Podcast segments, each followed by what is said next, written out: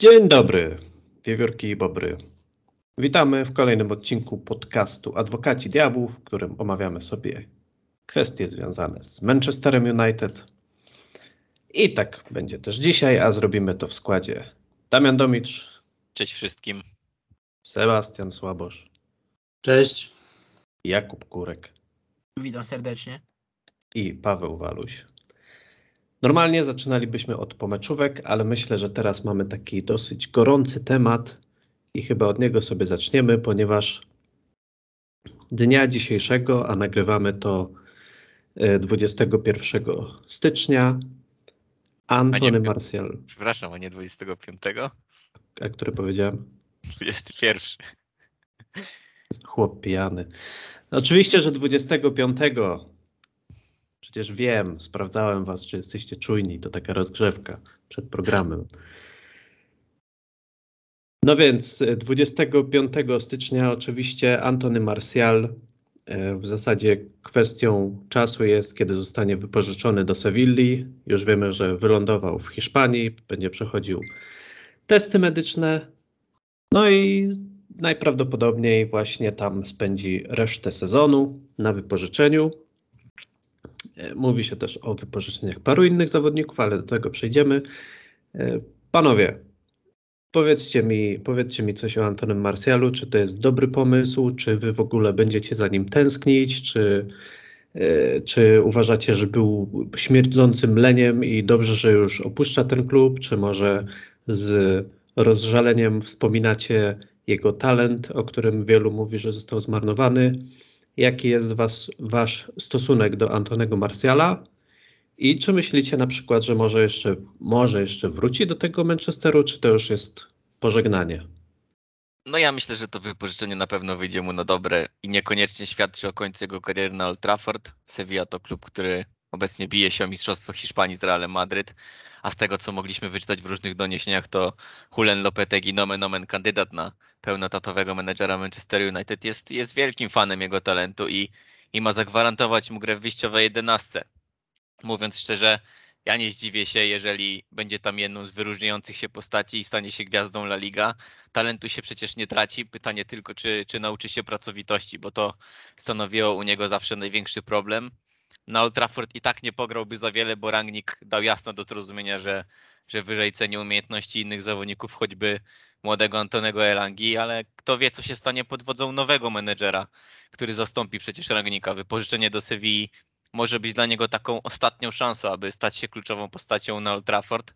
Jeśli nie wypali, klub najprawdopodobniej się z nim pożegna, co też mocno odciążyłoby budżet płacowy. Ja pozostaję fanem jego talentu, liczę, że się odbuduje. Oczywiście nie jest tak, że, że chciałbym, aby za wszelką cenę grał w Manchester United, ale mam wrażenie, że wciąż ma sporo do, zaofera, do, do zaoferowania, co zresztą pokazał wchodząc z ławki rezerwowych w tym starciu, w tym starciu z West Hamem. Według mnie to był najlepszy zmiennik w tamtym meczu. Podobno w jego umowie wypożyczenia nie znajdzie się klauzula wykupu, po to, aby, aby o jego przyszłości mógł zadecydować następny szkoleniowiec. No, Martial jest tutaj już troszeczkę.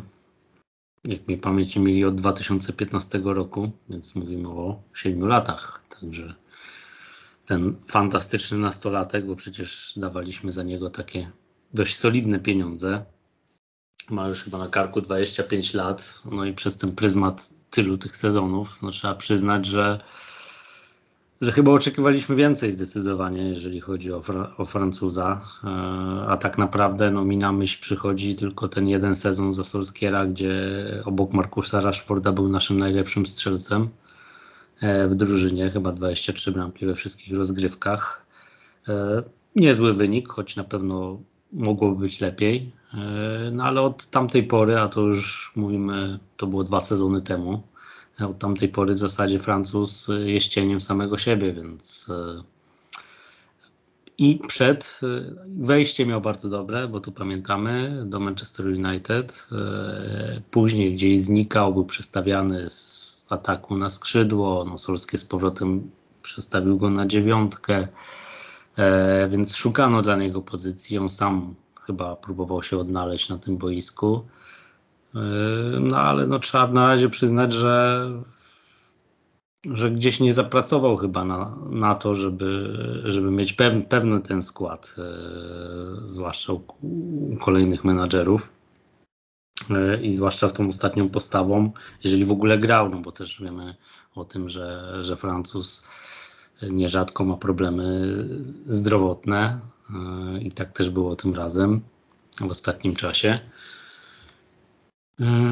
No cóż, wypożyczenie, no chyba to jest najlepsza opcja dla wszystkich stron tak naprawdę, bo Sevilla pokrywa bardzo wysoką, jakby nie było, tygodniówkę Marsjala, który już raz był na wylocie z klubu e, po konflikcie z Jose Mourinho, który też z jakichś przyczyn nie widział go, e, go u siebie w składzie. E, teraz mamy kolejnego menadżera, który gdzieś ceni wyżej tak jak wspomnieliście, nawet wychowanka, przynajmniej na ten moment 19-letniego e, Elangę. Także jest jakaś powtarzalność i rodzi to pewne pytania odnośnie samego Marsjala i jego, jego, jego podejścia. No, ja nie będę wnikał, czy on jest leniwy, czy nie, e, bo, bo się mało uśmiecha. Myślę, że takie rzeczy, że ktoś e, jest mało uśmiechnięty, mało ekspresyjny, niekoniecznie muszą determinować o tym, jak sprawuje się na treningach, co robi i jak, jak pracuje e, dla drużyny. E, ale ewidentnie widać, że, że Francuz e, być może to jest problem gdzieś mentalnościowy. No, za każdym razem, gdy pojawiał się w klubie nowy konkurent, dość solidny w ataku, gdzieś tracił, tracił na wartości, znikał z radaru, bo tak samo było przecież ze Zlatanem.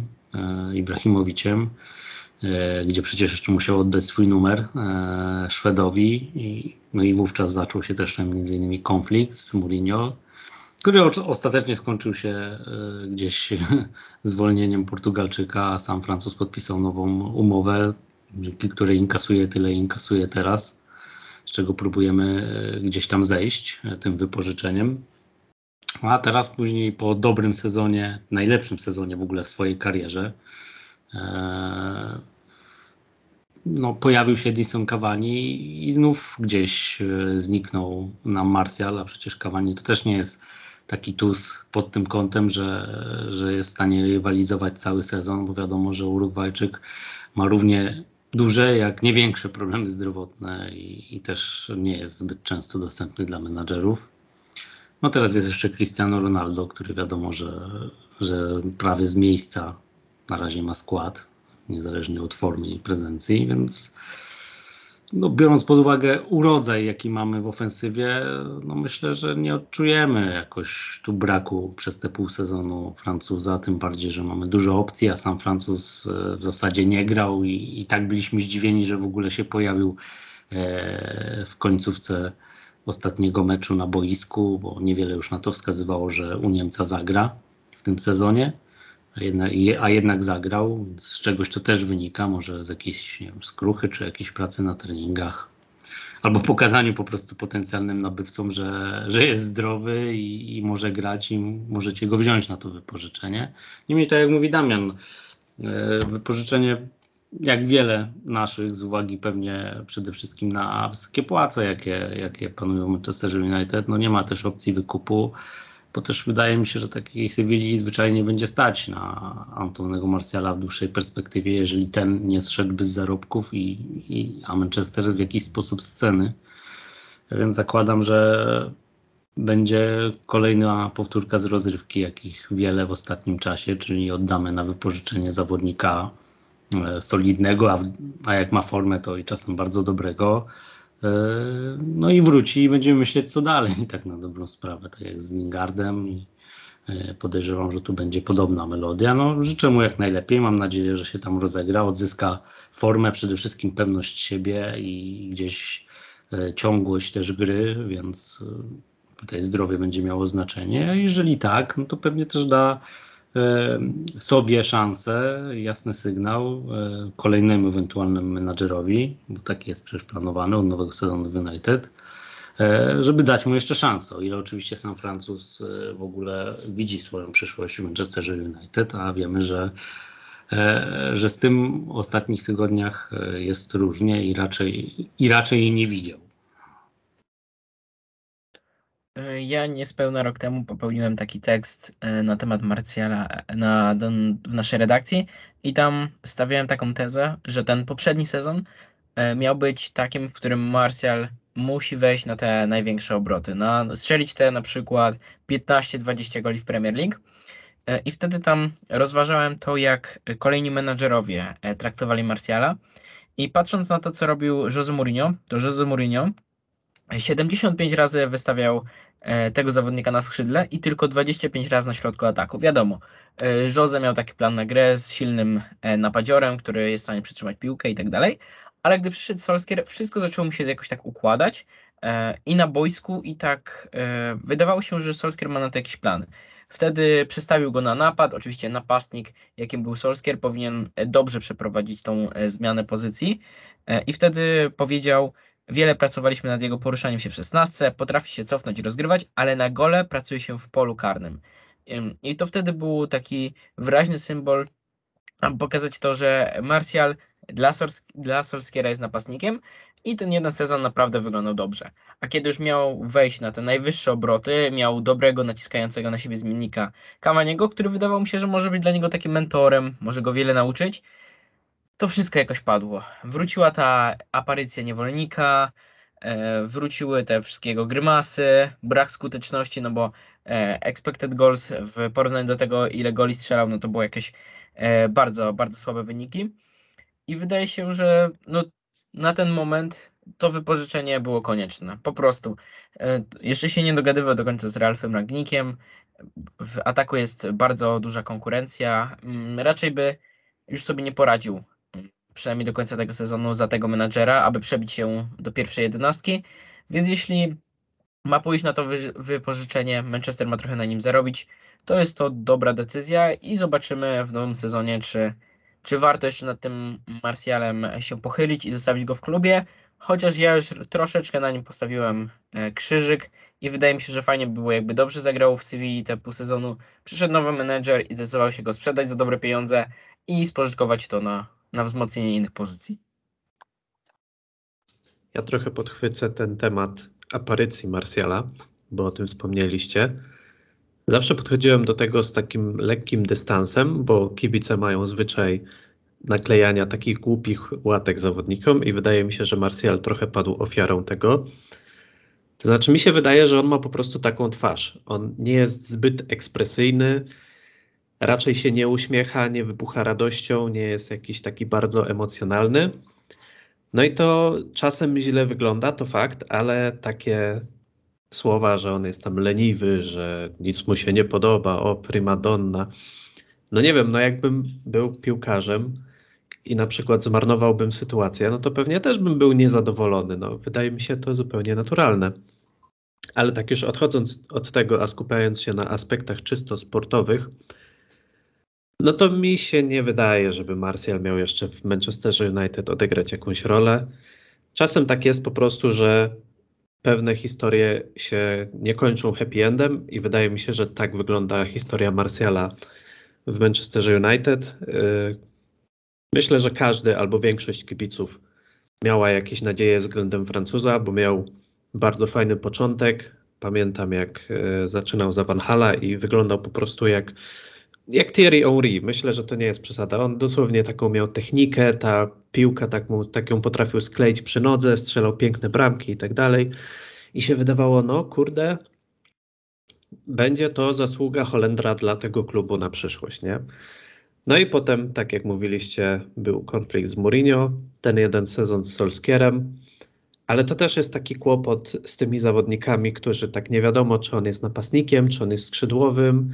E, Solskier chciał z niego zrobić napastnika, niby to jakoś wyglądało, ale nawet w trakcie tego jego najlepszego sezonu nie brakowało tych wątpliwości, że on jednak nie jest taką dziewiątką. To nie jest ten gość, który właśnie będzie jak, nie wiem, Lukaku, czy Haaland, czy, czy Lewandowski. Może, może nie musiałby być, aczkolwiek wydaje się, że no, takim klasycznym napastnikiem nie jest i nigdy nie będzie.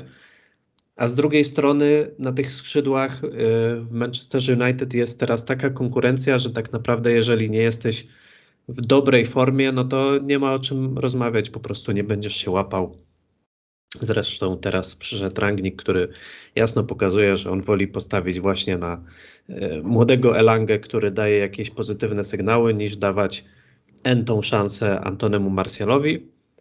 No i tak mi się to jakoś składa, że jeżeli on nie zagra połówki sezonu życia, chociaż przecież taka sama by była historia jak z Lingardem w West Hamie, więc nie wiem, czy to byłby też taki dobry znak. Może po prostu liga by mu bardziej pasowała, albo coś takiego. Albo przyjdzie nowy menadżer i stwierdzi: Nie, ja tutaj potrzebuję tego Antonego Marsjala w klubie i będę razem, razem z nim budować ten skład. No to nie wiem, jakoś tak mi się wydaje, że on jednak odejdzie i to będzie i dobre dla niego, i dla klubu, bo, no bo tak jak mówiłem, wydaje mi się, że ta historia po prostu nie ma happy endu i, i już trzeba stawiać na innych graczy.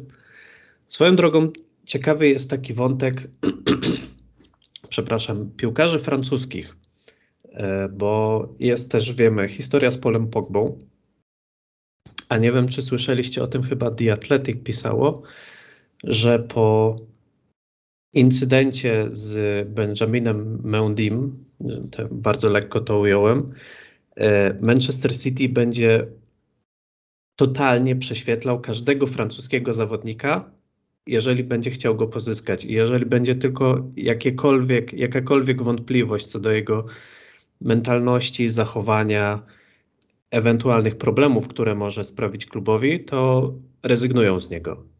I coś jest kurczę, nie chcę tutaj wyjść na jakiegoś, e, nie wiem, no nie nacjonalistę, rasistę, ciężko powiedzieć, ale coś jest z tymi Francuzami, że oni mają takie różne, często pozabojskowe problemy, albo właśnie problemy mm, z przekonaniem do siebie kibiców. No ale nieważne. E, są też inne kwestie wypożyczeń. Wspomniany Jesse Lingard mówi się, że Newcastle chce go wypożyczyć i to za 10 milionów. Wypożyczenie za 10 milionów to by była niezła historia. I dzisiaj też y, padła informacja, że Donny van de Beek mógłby się przenieść do innego klubu na pół roku. Mówi się o Walencji oraz Crystal Palace i o ile ta Walencja to takie nie, to już Crystal Palace dla takiego Donego van de Beeka może to nie byłoby głupie, może takie pół roku, żeby on grał, bo to jest chyba najważniejsze, żeby grał, to może, może to jest jakieś rozwiązanie. E, jakie jest Wasze zdanie? I, i na temat Lingarda i, i Van de Beka, czy wypożyczać ich, czy, czy nie? Według mnie zarówno jeden, jak i drugi y, nie ma, nie miał i pewnie nie będzie miał za wiele szans w tym sezonie, jeżeli chodzi o grę w Manchesterze United. No, Rangnick jasno też pokazuje, że w zasadzie kroczy troszkę, przynajmniej w przypadku tych dwóch zawodników, e, drogą Oleguna Lasowskiera. No i z jakichś przyczyn też nie widzi w tych zawodnikach e, oparcia na dłużej. Z czegoś to musi wynikać, ale to już, to, to już tak naprawdę e, możemy, możemy tylko gdybać. E, a z uwagi na to, że mamy szeroki skład, E, już nieraz o tym wspominaliśmy w, chociażby w poprzednich naszych e, podcastach, że jest, e, że jest troszeczkę przeludniony i, i za dużo tych piłkarzy jest, przez co może też są konflikty niezadowolenia, bo po prostu nie da się tych wszystkich piłkarzy pogodzić i zmieścić. Mm, to w tej sytuacji chyba te wypożyczenia będą najlepszym rozwiązaniem. No inaczej, no, w przypadku Jesse'ego Lingarda chyba musimy już powiedzieć, że to faktycznie E, jest, e, jest już ta końcówka e, tej długiej, wieloletniej przygody w Manchesterze United. Ten fenomenalne pół sezonu w West Hamie no, gdzieś dało jeszcze nadzieję i pewien, w pewien sposób zakładam, że nawet niektórzy kibice nawrócili się na, na Anglika i, i też sztab szkoleniowy, no nie mówię, że dał się nabrać, tylko po prostu no, stwierdził, że facet, jeżeli gra jest w formie i gra regularnie, no może być przydatnym elementem e, tej drużyny. Ja zresztą zawsze tak uważałem i, i, i, tego zdania nie zmieniam. No niemniej, no dalej tych szans e, Lingard za bardzo nie dostaje i widać, że dostawać nie będzie. Także pewnie do końca sezonu jeżeli faktycznie Newcastle tyle proponuje, no to chyba nawet nie ma się nad czym zastanawiać. Jeżeli tam po, po, podobny wynik, albo chociaż w połowie podobny wykręci jak z West Hamie, no to już później sobie sam wybierze, z kim podpisze umowę po sezonie i, i będziemy mogli e, podziękować e, Anglikowi za te wszystkie lata.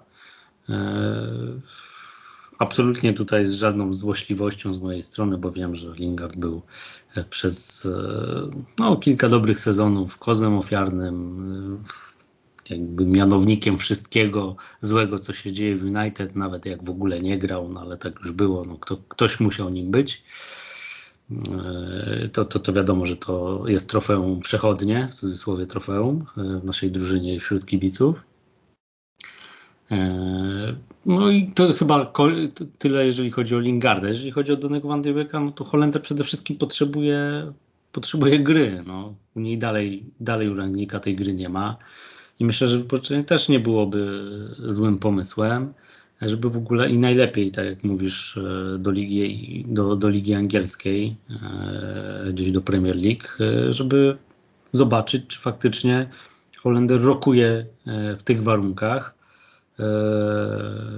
w, pre, w Premier League na grę w takim zespole jak Manchester United, no bo na razie tak naprawdę trudno, ciągle, on już jest tutaj prawie dwa lata, a my ciągle E, się zastanawiamy, kim, jakim w ogóle tak naprawdę jest piłkarzem Donny van de Beek, bo trudno w ogóle coś więcej powiedzieć o, o, jego grze, o jego prezencji. Poza tym, że kolejny menadżer na niego nie stawia, no i gdzieś z czegoś to musi wynikać. Mi się wydaje, że obaj ci piłkarze już przygody z Manchesterem United e, nie zrobią, nie zrobią kariery w Manchesterze United i takim łaskawym dla nich scenariuszem byłoby wypożyczenie, gdzie zagrają dobrze i następnie wykup albo przez te same kluby, albo przez inne za dobre pieniądze i też to byłoby najlepsze rozwiązanie dla Manchester United. Owszem, Lingard e, jeszcze na początku sezonu wydawało się, że, że może być takim wartościowym zmiennikiem, no i też po tym, e, po tym czasie w West Hamie, E, ale teraz nie dostaje aż tak wielu szans i wydaje się, że, no, że jedynym rozwiązaniem jest znowu wysłać go na wypożyczenie albo od razu sprzedać, bo myślę, że cena jeszcze za niego tak nie spadła po tym udanym pół roku w West Hamie. E, a Dony, no już ja już straciłem na jego cierpliwość. I mimo, że jak grał już to pokazywał się w miarę dobrze, jak w ostatnim podcaście na ten temat rozmawialiśmy, to teraz już wydaje się, że jeśli Kolejny trener nie widzi w nim potencjału na grę w takim klubie jak Manchester United, woli grać innymi piłkarzami, e, wobec których też mamy wątpliwości wobec ich jakości. Więc jeśli kolejny menedżer tak decyduje, że e, Dony mu się nie przyda, to myślę, że nieważne kto by przyszedł latem na stałego trenera Manchester United, to też w Donym Van den Beeku potencjału widzieć nie będzie. No i mam nadzieję, że chociaż część pieniędzy za niego się zwróci i kupimy za to jakiegoś innego wartościowego zawodnika, który będzie występował częściej niż Van den Beek, bo, bo on w tym sezonie sobie nie pograł zbyt dużo. No ja o ile wobec Lingarda jestem dość obojętnie nastawiony, ponieważ uważam, że, że powinien zostać sprzedany za dobre pieniądze latem. O tyle w przypadku Van de Beeka uważam podobnie trochę jak Sebastian, że to dla niego dobra okazja, aby sprawdzić, czy umie funkcjonować w tym środowisku ligowym. Czy ta jego charakterystyka w ogóle pasuje do tak intensywnego futbolu. Bo pamiętajmy, że za chwilę do gry powróci Paul Pogba, co będzie oznaczało jeszcze mniej minut dla Holendra. Crystal Palace to taki klub, który obecnie jest budowany dość mądrze, z fajnym menedżerem, który, który wie, jak powinni radzić sobie pomocnicy w Premier League i może jako jego mentor odbudowałby go dla, dla Manchesteru United. No ja się zgadzam z tym. Wydaje mi się, że gdyby został wypożyczony faktycznie do Crystal Palace i się tam sprawdził przez te pół sezonu i jeszcze na przykład nowym trenerem Manchester United został Erik Ten Hag, no to naprawdę wydaje mi się, że Holender może mieć przyszłość na Old Trafford, chociaż to jest takie no na razie nie wiem, nawet nie wiem czy pół na pół, czy nie 60 do 40, że, że chyba mu się nie uda, bo no, coś, coś jest z nim nie tak, że już drugi menadżer praktycznie w ogóle y, o nim zapomina.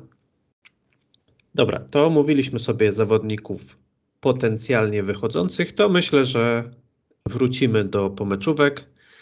E, Za nami od ostatniego podcastu dwa spotkania z Aston Villą, mecz z Brentford oraz West Hamem United. Trzy zwycięstwa, jeden remis. E, Zaczęło się od wygranej w FA Cup z Aston Villą 1 do 0. E, Do dziś nie wiemy, jak to się stało, że oni wygrali ten mecz.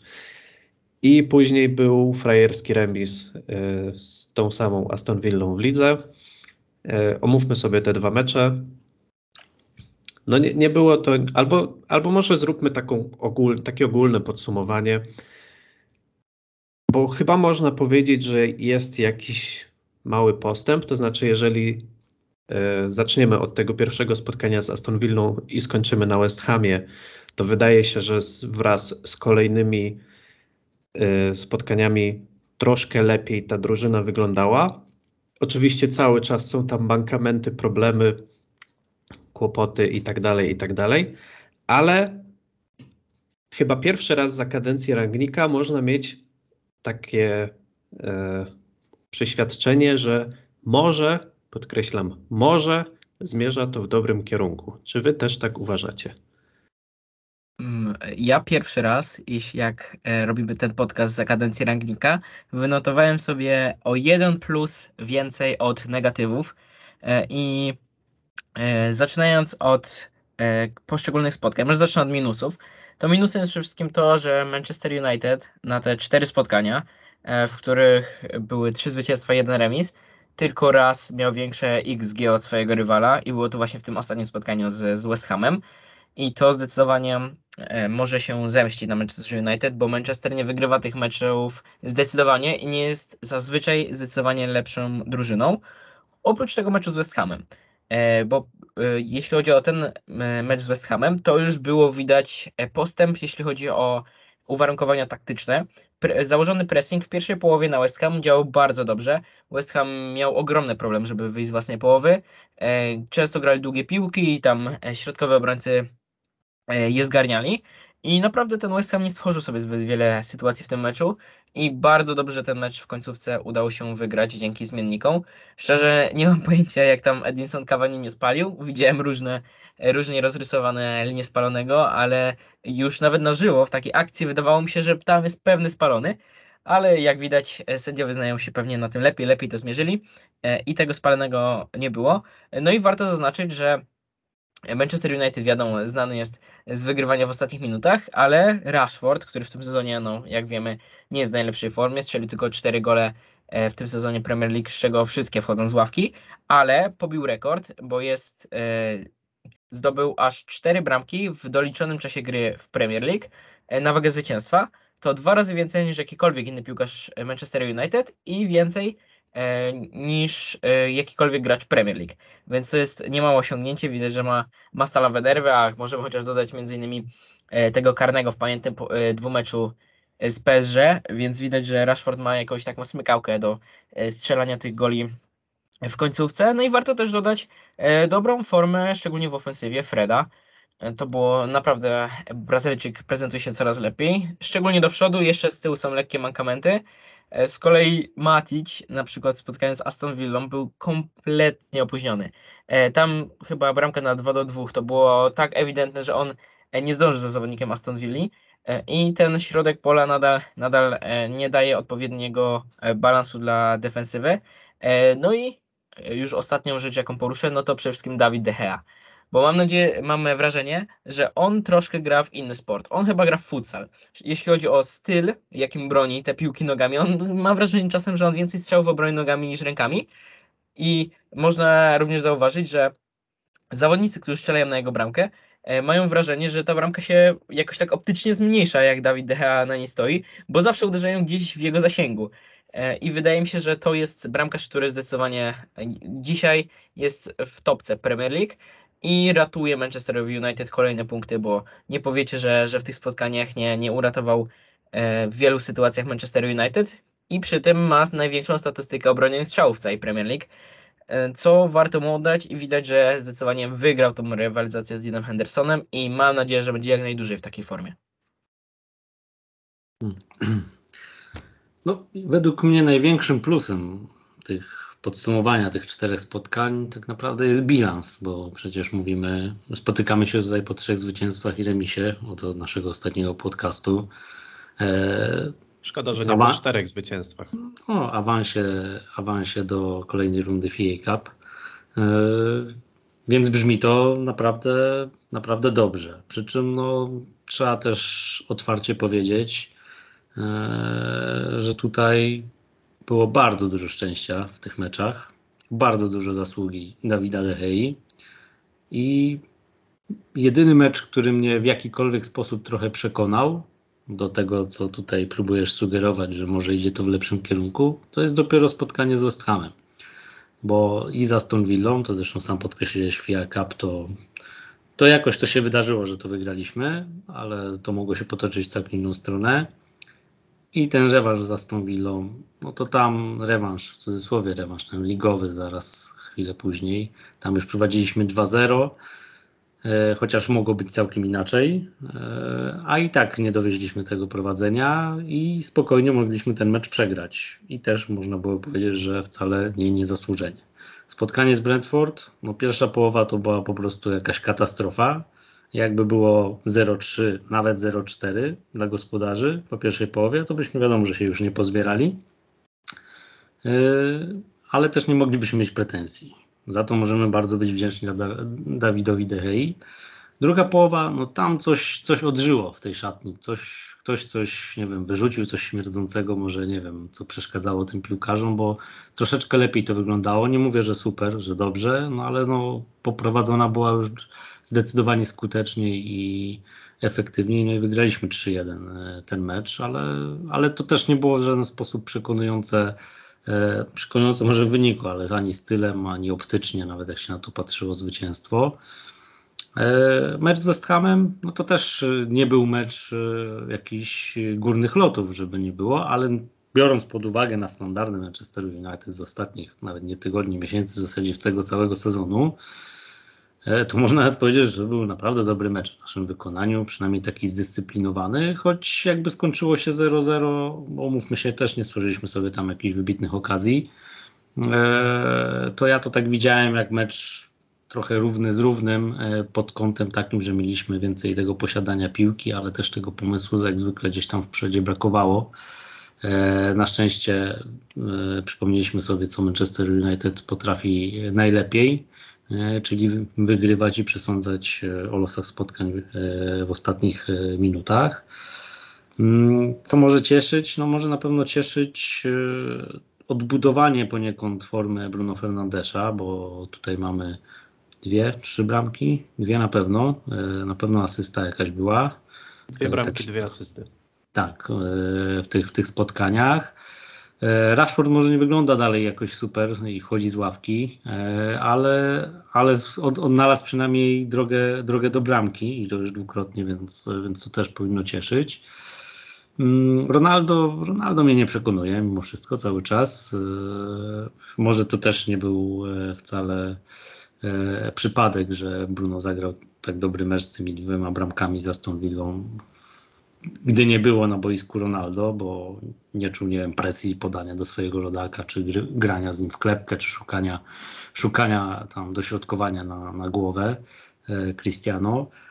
E, no, możemy się cieszyć na pewno z tego, że, że tak te wyniki się zakończyły optymistycznie, ale sam obraz czterech spotkań, no ja bym tego spotkania z West Hamem, który no był chyba najlepszy, no trzeba przyznać, e, meczem Rangnika, odkąd, odkąd przejął ten zespół, bo do tej pory mogliśmy mówić tylko w zasadzie o jakimś dobrym pół godziny, e, czy to w jednej połowie, czy w drugiej, bo nawet chyba nie połówki całej. Tutaj było takie solidne, niezłe spotkanie z porywami, z porywami na naprawdę dobre w, w niektórych fragmentach, zwłaszcza tam, tak jak mówiliście, taktycznie, w obronie. Chociaż nie, nie, nie się błędów, też tam z DH z, z raz czy dwa razy ratował nam skórę. Yy, ale no powiedzmy, że to, to było na, najlepsze spotkanie yy, United za Rangnika. Przy czym no dalekie jeszcze bardzo do standardów, jakie chcielibyśmy oglądać w wykonaniu tego zespołu. E, no cóż, na pewno objawieniem i jak każdy trener wyciąga jakiegoś królika z kapelusza e, prędzej czy później, no taki w przypadku Ragnika tym, e, tym królikiem jest młody Szwed Langa, zresztą strzelec jednej z bramek. Prezentuje się nie, nie, zawsze równo, ale jest to nastolatek i na pewno nie można mu odmówić chęci, nie można mu odmówić, co cieszy, ale to, tak to wygląda u nastolatków, byle mu zostało pewnej takiej pewności siebie, czasami troszkę bezczelności, jak na takiego e, mokosa. E, momentami fajnie, fajnie udaje się z dryblingiem i, i z jakąś klepką, więc no, kto wie, może mamy w, w jego osobie, zresztą ja go śledziłem e, w młodzikach i był jednym z na pewno z wyróżniających się tutaj zawodników, może nie aż tak bardzo jak Mason Greenwood swego czasu, E, ale też taki, któremu, któremu wróżono, że spokojnie ma szansę do tej pierwszej drużyny się dostać i jak widać te szanse wykorzystał i wykorzystuje, bo jednak Rangnick stawia na niego konsekwentnie w kolejnym meczu, a to wynika z tego, że, że dobrze się prezentuje, tylko że no też e, musimy brać pod uwagę ten fakt, że dalej jesteśmy w sytuacji, że bardzo wielu zawodników po prostu jest w bardzo słabej formie. No, tę formę powoli gdzieś przy niektórych zawodnikach zaczynamy e, e, widzieć, zaczynamy stawiać plusy i widzieć tą tendencję zwyżkową, ale czy to się utrzyma? No, jedna kółka wiosny nie czyni, więc ja sceptycznie na razie podchodzę, bo naprawdę większość z tych 90, 360 e, minut, o których mówimy, no ciężko się na to patrzyło. Na wie, zdecydowanie większość z tych minut, Kuba zresztą dobrze wspomniał, e, expected goals w tych spotkaniach to tylko z West Hamem i to pewnie też nieznacznie, bo tam wiele tych sytuacji nie wykreowaliśmy.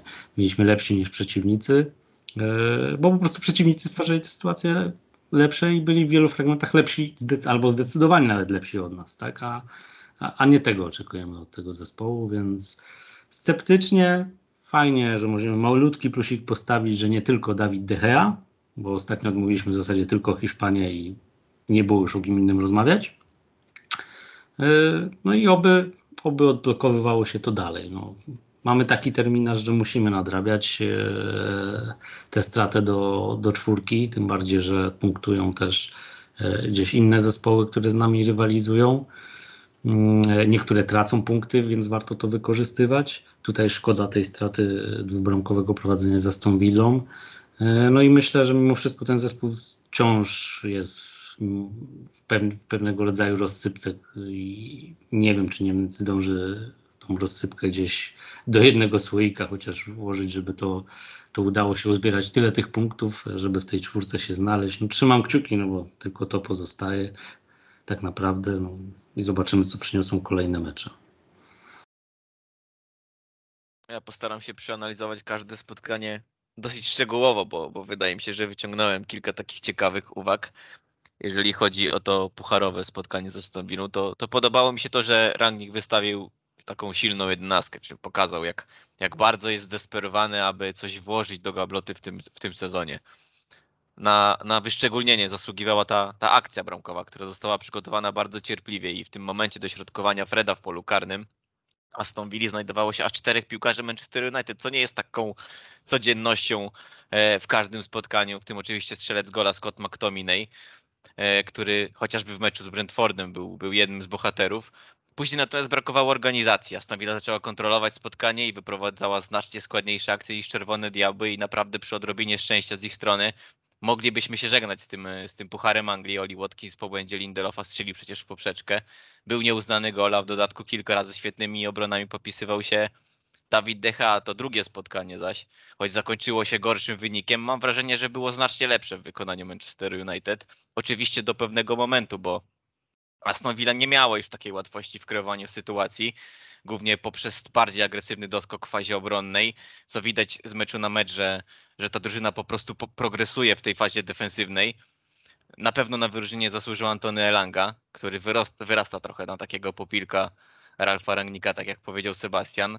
E, Szwed grał bardzo odważnie i bardzo dobrze wspomagał po lewej stronie Aleksa Telesza. Mam wrażenie, że, że w ogóle radzi sobie na tej lewej stronie w defensywie lepiej niż Rashford i, i Jadon San, Sancho chociażby. Drugi gol e, zwłaszcza drugi gol. To natomiast e, dokładnie to, czego oczekują swoich zawodników niemiecki szkoleniowiec, bo, bo ten wysoki pressing na połowie przeciwnika zainicjowany przez Diogo Dalota, przechwyt Freda i szybkie zagranie do Bruno Fernandesza, cała ta akcja od momentu przechwytu futbolówki przez Brazylijczyka trwała 4 sekundy.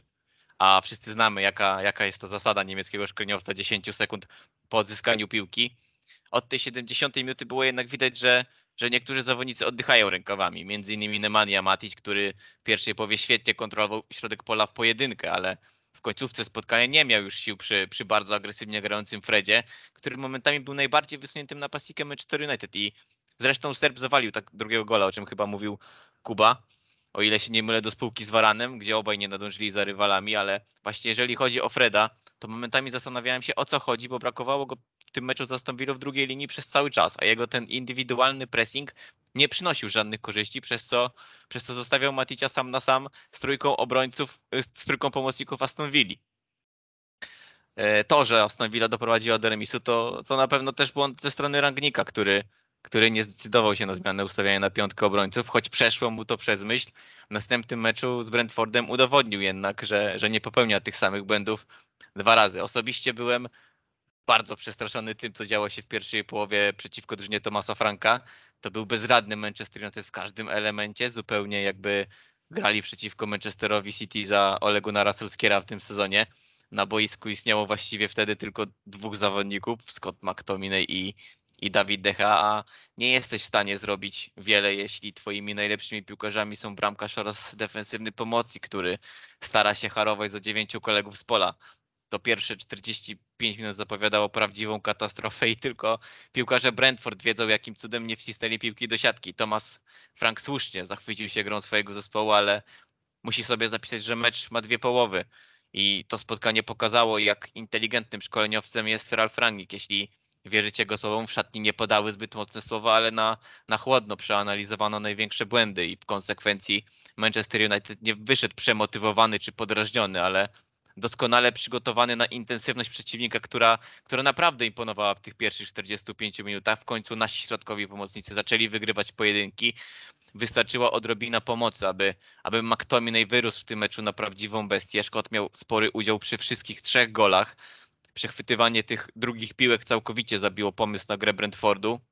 I o ile należą im się brała za pierwszą połowę, o tyle w tej drugiej kompletnie nie istnieli i otwierający gol Antonego Elangi, który zachował się jak 30-letni, a nie 19-letni napastnik, dodał całemu zespołowi animuszu. Te dwie kolejne akcje bramkowe dają nam natomiast przeświadczenie, że, że piłkarze stosują jednak wskazówki Ralfa Rangnika, o czym zresztą pisało The Athletic w swoim artykule. McTominay po przechwycie natychmiast zagrał do Ronaldo, który zachował się wybornie, zgrywając piłkę klatką piersiową, a potem mogliśmy obserwować już wyłącznie kunszt Bruno Fernandesza. Zastanawiałem się tak trochę, czy, czy gdyby Portugalczyk zamienił się z Masonem Greenwoodem, to czy efekt byłby taki sam, bo młody Anglik znany jest ze swojej pazerności i nie jestem wcale przekonany, że, że wyłożyłby piłkę Fernandeszowi do pustej bramki. Jeszcze lepiej McTominay zachował się przy trzecim trafieniu, bo dzięki swojej sile i takiej zaciętości wygarnął piłkę napastnikowi Brentfordu. Przedarł się w pojedynkę przez dwóch pomocników Brent, rywali i, i uwolnił podaniem Fernandesza, który znów pokazał, że najważniejszy jest dla niego interes drużyny. Jak wspomniałem wcześniej, wnioski wyciągnął też, też który wpuścił na boisko trzeciego obrońca, aby zabezpieczyć rezultat. Szkoda oczywiście tej straconej bramki w meczu z Brentfordem i Davida De Gea, szczególnie, że to gol strzelony z rzutu z auto, ale mogłem się nie śmiać z Arsenalu na początku sezonu, którzy stracili podobnego gola. Najwidoczniej karma po prostu wraca już tak przechodząc płynnie do, do meczu z West Hamem.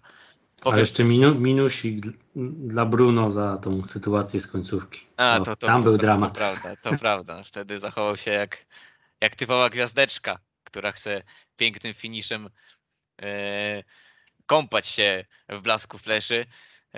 Co do meczu z West Hamem United powiem trochę jak, jak Rangnick, że, że do końca nie byłem przekonany, że Manchester United wciśnie tego gola, ale przez całe spotkanie zachowywałem dość spory spokój. Od pierwszych minut mogliśmy zauważyć, że piłkarze są dobrze zmotywowani i skoncentrowani. Ten wysoki doskok, odpowiednia agresja i dobra organizacja gry w drugiej linii wybiła drużynę Davida Moisa z rytmu i to był zdecydowanie najlepszy występ tego, tego zespołu w defensywie. Rangnick powiedział, że od dwóch miesięcy, ale nie wiem, czy, czy nie w całym sezonie. Słusznie jednak Niemiec wyraził swoje zaniepokojenie oraz niezadowolenie grą w ataku, bo Mason Greenwood frustrował mnie przez całe spotkanie niemiłosiernie, zaczynając od tej akcji, kiedy został wypuszczony przez Fernandesza. Jak zwykle miał klapki na oczach i zamiast dostrzec o wiele lepiej ustawionych kolegów, innymi właśnie Bruno lub Cristiano Ronaldo, dał się łatwo ograć Craigowi Dawsonowi. Nie wiem, czy to nieodpowiedni moment, aby, aby znowu go posadzić na chwilę na ławce rezerwowych, tłumacząc mu po prostu po ludzku, że, że powinien grać bardziej zespołowo. Na pewno irytujące w tym meczu mogły być też te nieprzygotowane strzały za pola karnego, bo można krytykować Cristiano Ronaldo, ale bardzo często zajmują świetne pozycje w 16 przeciwnika i tak było podczas każdego z tych nieudanych strzałów. Rangnick domaga się częstszych podań w pole karne i, i chyba słusznie, bo myślę, że warto pochwalić go za, za ryzykowne zmiany, wprowadzenie całej siły ofensywnej z ławki rezerwowych ostatecznie się opłaciło. Kole wypracowało przecież trzech zmienników, ale na szczególną pochwałę ode mnie zasłużył Antony Martial, który, jak już mówiliśmy, przechodzi do, do Sewilli. Olbrzymi potencjał wciąż w nim tkwi i uważam, że trochę zaprzepaścił tą swoją karierę na Old Trafford, bo niewątpliwie ma talent. Ale w ciągu 10 minut zrobił więcej niż, niż Greenwood i Elanga e, razem, razem wzięci. Już tak słowem podsumowania, bo, bo trochę się rozgadałem. Wydaje mi się, że, te, że, że szczególnie te dwa zwycięstwa z Brentfordem oraz West Hamem dadzą piłkarzom taką wiarę w metody Rangnika. I te dwa spotkania pokazały, że, że zawodnicy coraz chętniej realizują jego założenia. Widać, że Niemiec potrafi zarządzać drużyną, nie wystawia graczy, którzy znajdują się pod formą, co z miejsca stanowi dla nich motywację do cięższej pracy. Idealnym przykładem jest tutaj właśnie Marcus Rashford, który po, po złym występie Pucharza Anglii natychmiast usiadł na ławce i, i dobrze mu to zrobiło. W ogóle należy powiedzieć, że, że Rangnick nie zamierza patyczkować się z żadną z gwiazd, co udowodnił ściągając z boiska Cristiano Ronaldo. Cristiano Ronaldo, wielu trenerów na jego miejscu by się raczej nie odważyło. Myślę, że Ole Gunnar Solskjaer między innymi to chyba odróżnia tych klasowych menedżerów od tych ze średniej półki. Potrafią oni przekonać swoich najlepszych piłkarzy, że, że nie mają gwarancji gry od pierwszej do ostatniej minuty za nazwisko. Od samego początku zdawaliśmy sobie sprawę, że, że Niemiec będzie potrzebował trochę czasu, aby prowadzić swoją filozofię, trochę inną filozofię. Pewnie trochę, y, pewnie trwa to trochę dłużej niż, niż zakładał, ale prawda jest taka, że, że wielu zawodników miało najgorszy lub dalej ma najgorszy okres w swojej karierze, ale ja z meczu na mecz wid- widzę po prostu progres.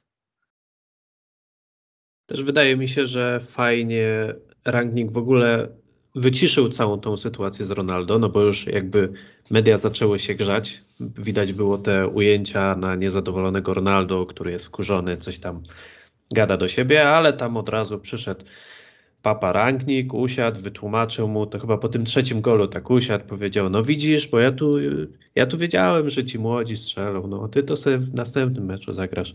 E, Ja czytam z ruchu ust jak coś, więc No tak, tak, dokładnie trochę, tak tak powiedział. trochę wziął Ronaldo pod włos, tłumacząc mu też tym, że gdyby sam był menedżerem, postąpiłby, postąpiłby identycznie. Tak, tak. No myślę, że po prostu dobrze to rozwiązał właśnie.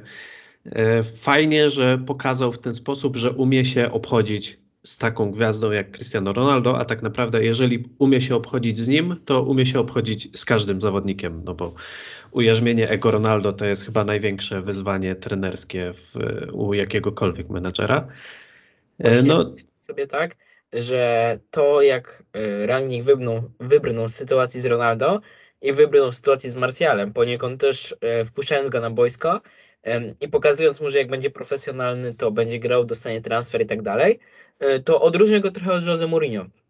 Bo Jose Mourinho jak popadał z kimś w konflikt, krytykował go publicznie, między innymi tak jak Rangnick zrobił z Martialem, to już była wymiana ognia. E, Nigdy nie, nie dochodziło do zażegnania tego konfliktu, tylko już e, panowie się nie dogadywali, a Rangnick zaimponował mi tym, że po prostu umiał z tych dwóch sytuacji wybrnąć w taki sposób, że nie było kwasu w drużynie i nadal jest zachowana jakoś taka dość czysta atmosfera.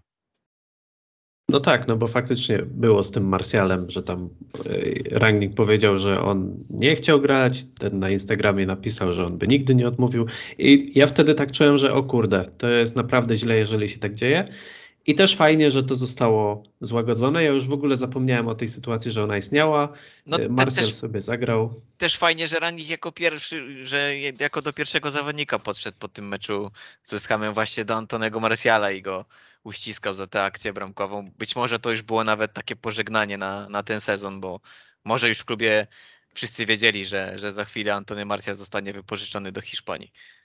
no, no ale też zasłużył. Widziałem taką świetną grafikę, gdzie e, Rashford e, podchodzi do e, Rangnika i pyta się, czemu e, go nie przytulił, a Rangnick na to, jak, e, jak cytatem z Biblii odpowiada, że e, bo, bo e, twój brat zaginął, a odnalazł się, e, jak syn marnotrawny.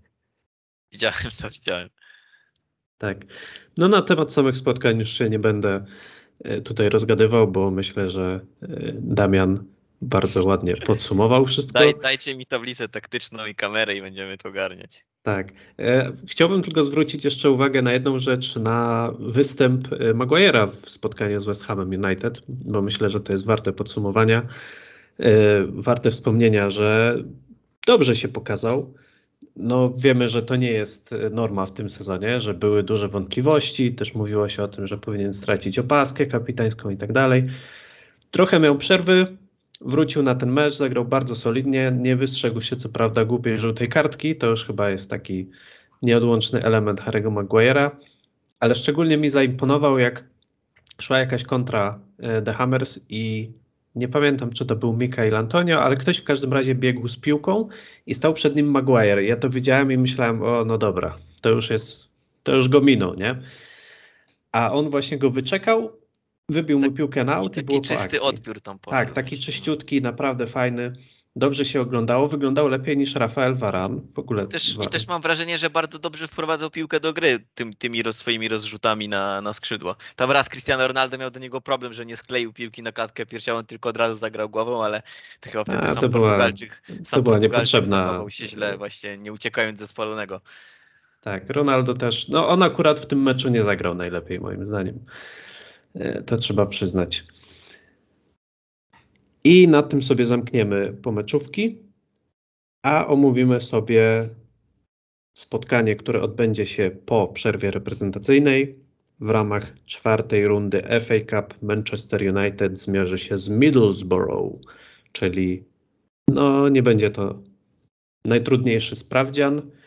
E, Myślicie, że tym razem rezerwowi poradzą sobie lepiej niż w spotkaniu z West Hamem w e, Carabao Cup? Nie wydaje mi się, że w tym spotkaniu Rangnick wystawi do gry rezerwowych. Tym pucharowym meczem chyba z Aston Villą pokazał, że, że zależy mu na wygraniu tych rozgrywek, więc ja raczej nie spodziewałbym się wielu roszad. Jasne, pewnie nie zobaczymy w tym spotkaniu Cristiano Ronaldo, ale najprawdopodobniej zastąpi go Edinson Cavani. Nawet jeśli jest to tylko zespół z Champions i w dodatku nie zajmujący gdzieś tam miejsca u szczytu tabeli, to lepiej będzie, jeżeli obędzie się bez jakichkolwiek turbulencji. Moim zdaniem lepiej jest wypracować sobie korzystny wynik w pierwszej połowie, a później wprowadzić zawodników, którzy nie są ograni.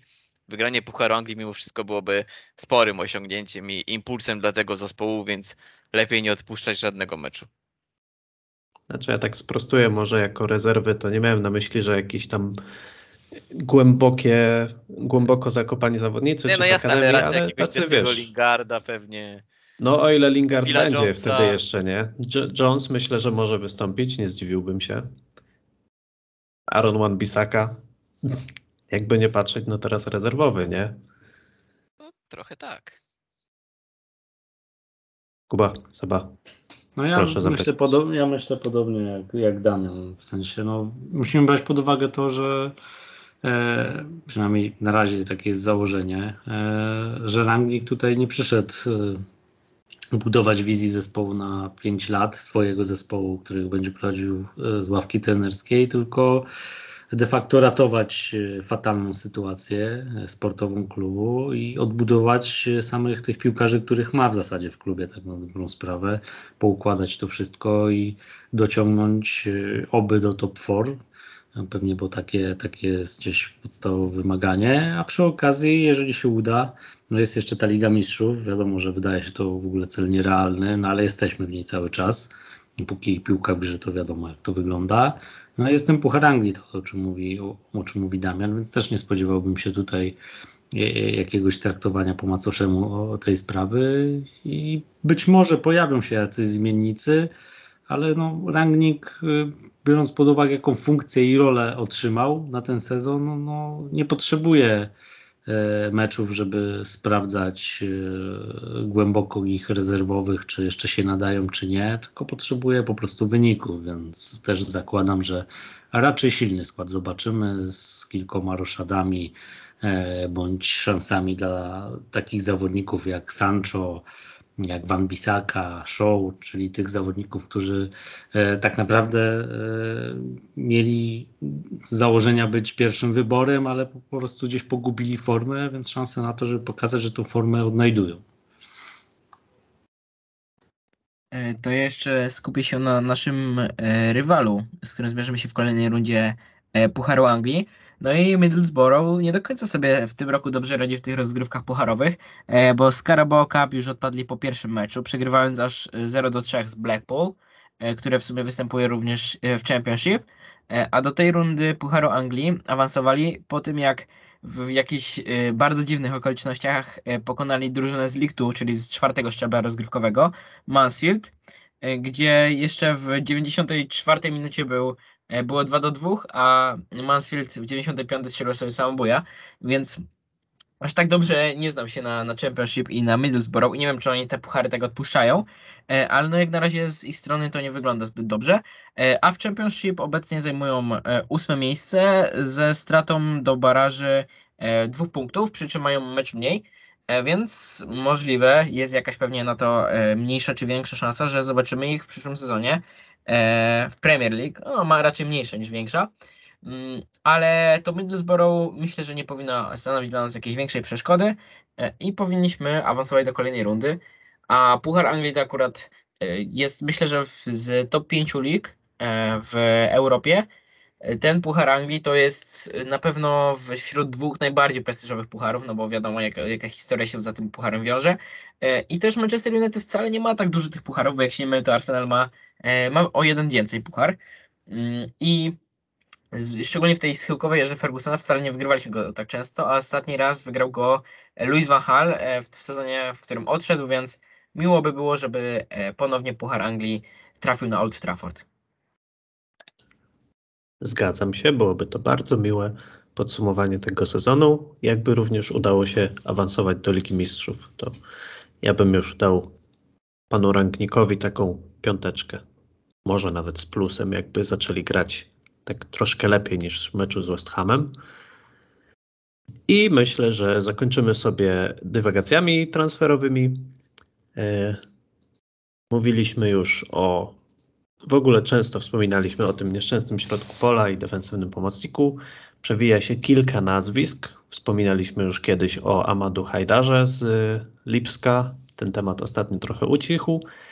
Declan Rice to jest taka opcja marzeń, ale trudno uwierzyć, żeby West Ham oddał swojego kapitana w środku sezonu, kiedy realnie walczą się o pierwszą czwórkę. No i jeszcze takie dwa nazwiska. E, Ostatnio głośno było o Denisie Zakarii z Borussii Mönchengladbach, który mu kończy się kontrakt e, pod koniec tego sezonu, znaczy po zakończeniu tego sezonu, w związku z czym jest dostępny za śmieszne pieniądze, jak na dzisiejszy rynek transferowy, mówi się o 7 milionach, aczkolwiek jak poinformował dzisiaj Fabrizio Romano, Manchester United oraz Liverpool raczej nie będą brały udziału w wyścigu po niego. I jeszcze wspomina się o Bubakarze Kamarze. Bubakar Kama- Kamara, zawodnik z Olympique Marsylia. Nie mam pojęcia, co mógłbym o nim powiedzieć, ponieważ absolutnie nie interesuje się ligą francuską, ale wymienia się go również w tym gronie. Także oddaję Wam głos. Wiem, że Ty, Damian, e, pisałeś raz na redakcyjnym, że wielkim fanem Denisa Zakarii nie jesteś. No to prawda, ja w ogóle nie wierzę, że, że dojdzie do jakichkolwiek wzmocnień w styczniowym oknie transferowym. Pozycja Ragnika, wiedząc, że od lata będziemy mieli nowego menedżera, nie jest tak silna, aby sprowadzać piłkarzy pod jego profil. Oczywiście mogę się mylić i być może to, to wypożyczenie Martiala wpłynie jakoś na ostatnie dni zimowego okna transferowego. No wiemy, że za te małe pieniądze do wyciągnięcia był faktycznie Denis Zakary, ale to piłkarz, który, który od dawna znajduje się pod formą. Zresztą ta, ta dyspozycja Borussii Mönchengladbach w obecnym sezonie to też trochę, trochę jego zasługa, bo on mocno spuścił stonu. W podobnej sytuacji znajduje się Bubakar Kamara z Marsylii. Jego kontrakt również wygasa latem, więc pewnie ta kwota, więc pewnie kwota takiego transferu nie byłaby wysoka. Co prawda Daily Mail informowało dzisiaj, że, że Manchester United rozpoczął rozmowy z jego agentami, ale na wieści z tego źródła zawsze trzeba patrzeć z przymrużeniem oka. Co do Amadu Aydary, no na niekorzyść jego transferu przemawia chyba trochę udział w Pucharze Narodów Afryki. Nie wiem, więc czy udałoby się sfinalizować takie przenosiny przed zamknięciem okna transferowego, ale na pewno należałoby liczyć się z wydatkiem około 30 milionów, 35-30 milionów funtów. No, wiemy, że Rangnick miał go pod, pod swoją opieką, jest wielkim fanem jego talentu, bo to piłkarz naprawdę bardzo wybie- wybiegany i też, też nadający się do takiej gry od pola karnego do pola karnego. No ja niezmiennie pozostaję wielbicielem transferu Declana Rice'a. Latem pozostanie mu dwa lata do końca kontraktu z West Hamem, więc jest to dla nich ostatnia szansa, żeby sprzedać go za porządną kwotę. Myślę, że, że warto poczekać na takiego piłkarza pół roku. Dochodziły już do nas słuchy, że, że mógłby być zainteresowany grą na, na Old Trafford. Podobno przecież wypytywał podczas zgrupowania reprezentacji Anglii Harry'ego Maguire'a oraz Luka Shaw'a, jak to jest grać dla Manchester United. Ostatnia wypowiedź po meczu z West Hamem, że uwielbia występować na tym stadionie, też może być takim oczkiem w kierunku władz klubu, aby, aby wyciągnęli pieniążki z kieszeni i, i nie zastanawiali się ani przez chwilę. Dla mnie to, to najlepszy pomocnik w tym sezonie dotychczas. Bez dwóch zdań byłem pod ogromnym wrażeniem jego pressingu w tym meczu z Manchester United, szczególnie na Bruno Fernandesie pod naszym polem karnym. Jeśli chcemy bić się o Mistrzostwo Anglii, to takiego piłkarza właśnie potrzebujemy. Nie będziemy zastanawiać się przecież, czy, czy wpasuje się w zespół, bo wpasuje się na pewno to gotowy produkt Premier League, piłkarz, który na przestrzeni kilku lat może po prostu stać się gwiazdą angielskiego futbolu. No ja podzielam zdanie tak ogólnie Damiana, jeżeli chodzi o spodziewane transfery w Manchester United. Wydaje mi się, że, że zimą raczej nikogo nie zobaczymy tutaj nowego. Z tych powodów, między innymi, o których mówił Damian, czyli no, Rangnick jako e, jednak ten tymczasowy trener.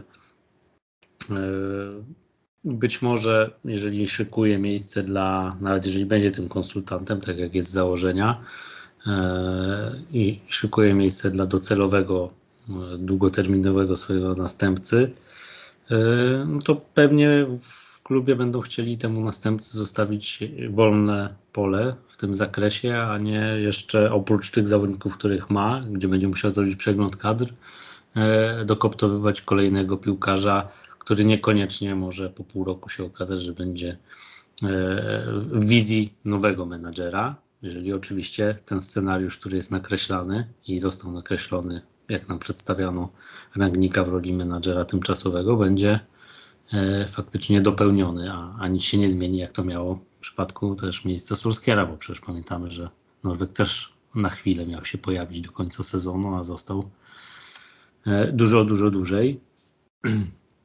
E, Także tutaj nie spodziewałbym się transferu. Też z tej drugiej przyczyny, e, czyli tego przeludnienia, o którym cały czas mówiłem. Mamy mocno obciążony budżet płacowy i bardzo szeroką kadrę. Nawet w tym środku pola, ja wiem, że może jakościowo, e, jakościowo są tam braki, ale i tak wciąż w środku pola, jeżeli wraca Paul Pogba, no, jakościowo, no Paul Pogba wydaje się piłkarzem jakościowym, choć wiadomo jak to wygląda z Francuzem. E, no mamy dość spore, sporo opcji, tak, których, z których możemy skorzystać i e, dokładając do tego kolejnego zawodnika w jakiejś charakterystyce, to tak naprawdę znowuż e, dodajemy kolejnego zawodnika do grupy, który będzie walczył o miejsce w składzie, a nie uszczuplamy kadry. Według mnie powinniśmy się przede wszystkim teraz skupić na tym, żeby odchudzić ten Manchester United z piłkarzy, e, żeby zacieśnić te relacje między zawodnikami, między mniejszej, mniejszej grupie zawodników, bo to może wyjść tylko, tak mi się wydaje, z korzyścią, niż rozlekać tę kadrę jakoś tak strasznie i, i posiadać piłkarzy, z których się prawie w ogóle nie korzysta, a wcale ich mało nie jest.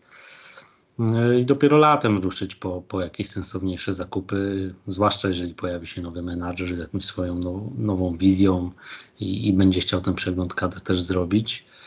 E, A jeżeli chodzi o same nazwiska, które się tu pojawiają, no to no, tutaj jest tak naprawdę logika tylko wskazuje bardzo prosto, że z tych przytoczonych, no Declan Rice wydaje się najsensowniejszą opcją, bo, bo po prostu tutaj jest y, gra w Premier League, y, zna tę ligę, prezentuje się dobrze, mm, a o, o innych tych zawodnikach możemy tylko domniemać, czy się wkleją, wpasują, czy może jednak aklimatyzacji będą dużo potrzebować. Do tego dochodzą te sprawy, o których, o których Damian też poruszał, czyli Puchar Narodów Afryki raz na jakiś czas, który się pojawia, co też komplikuje e, mocno sytuację, jeżeli chodzi o dostępność zawodników z Afryki. E, więc też raczej szedłbym drogą, e, drogą w kierunku tutaj West Hamu i Declana Rice'a, przynajmniej z tych, z tych zawodników, którzy, których tutaj przytaczaliśmy, bo nie mówię, że to musi być koniecznie Declan Rice. Ja na koniec już tych naszych dywagacji transferowych mam tylko jeden apel do władz Manchester United. Nie kupujcie nikogo z Bundesligi. Proszę, jeśli słuchacie tego, a na pewno nie, to nie kupujcie nikogo z Bundesligi. Ja sobie powiedziałem, że jeśli Jadon Sancho nie odpali e, tak od razu, a nie odpalił, jak wiemy, to nigdy więcej nie będę się cieszył z transferu e, zawodnika z Bundesligi do Manchester United. W ostatnim czasie do Premier League e, można wyliczyć na palcach jednej ręki transfer z Bundesligi, który udał się tak w 100%, czyli że e, zawodnik wchodził do zespołu i automatycznie był wartością dodaną. Coraz częściej obserwujemy że ci zawodnicy są przepłaceni, nabijają sobie statystyki w Bundeslidze, przez to kosztują dużo, przychodzą do Premier League i odbijają się jak od ściany, nawet nie do Premier League, tylko do różnych e, innych klubów, które są na wysokim poziomie. E, I ta Bundesliga, nie wiem dlaczego to tak, czy to jest jakaś klątwa Bundesligi, czy dlaczego ci piłkarze z tej ligi nie potrafią się przełożyć mm, na ligę angielską, nie mam pojęcia, ale proszę, jeśli kogoś będziemy kupować, na razie nie kupujmy nikogo z Bundesligi. Robert Lewandowski, Erling Haaland nie lubią tego.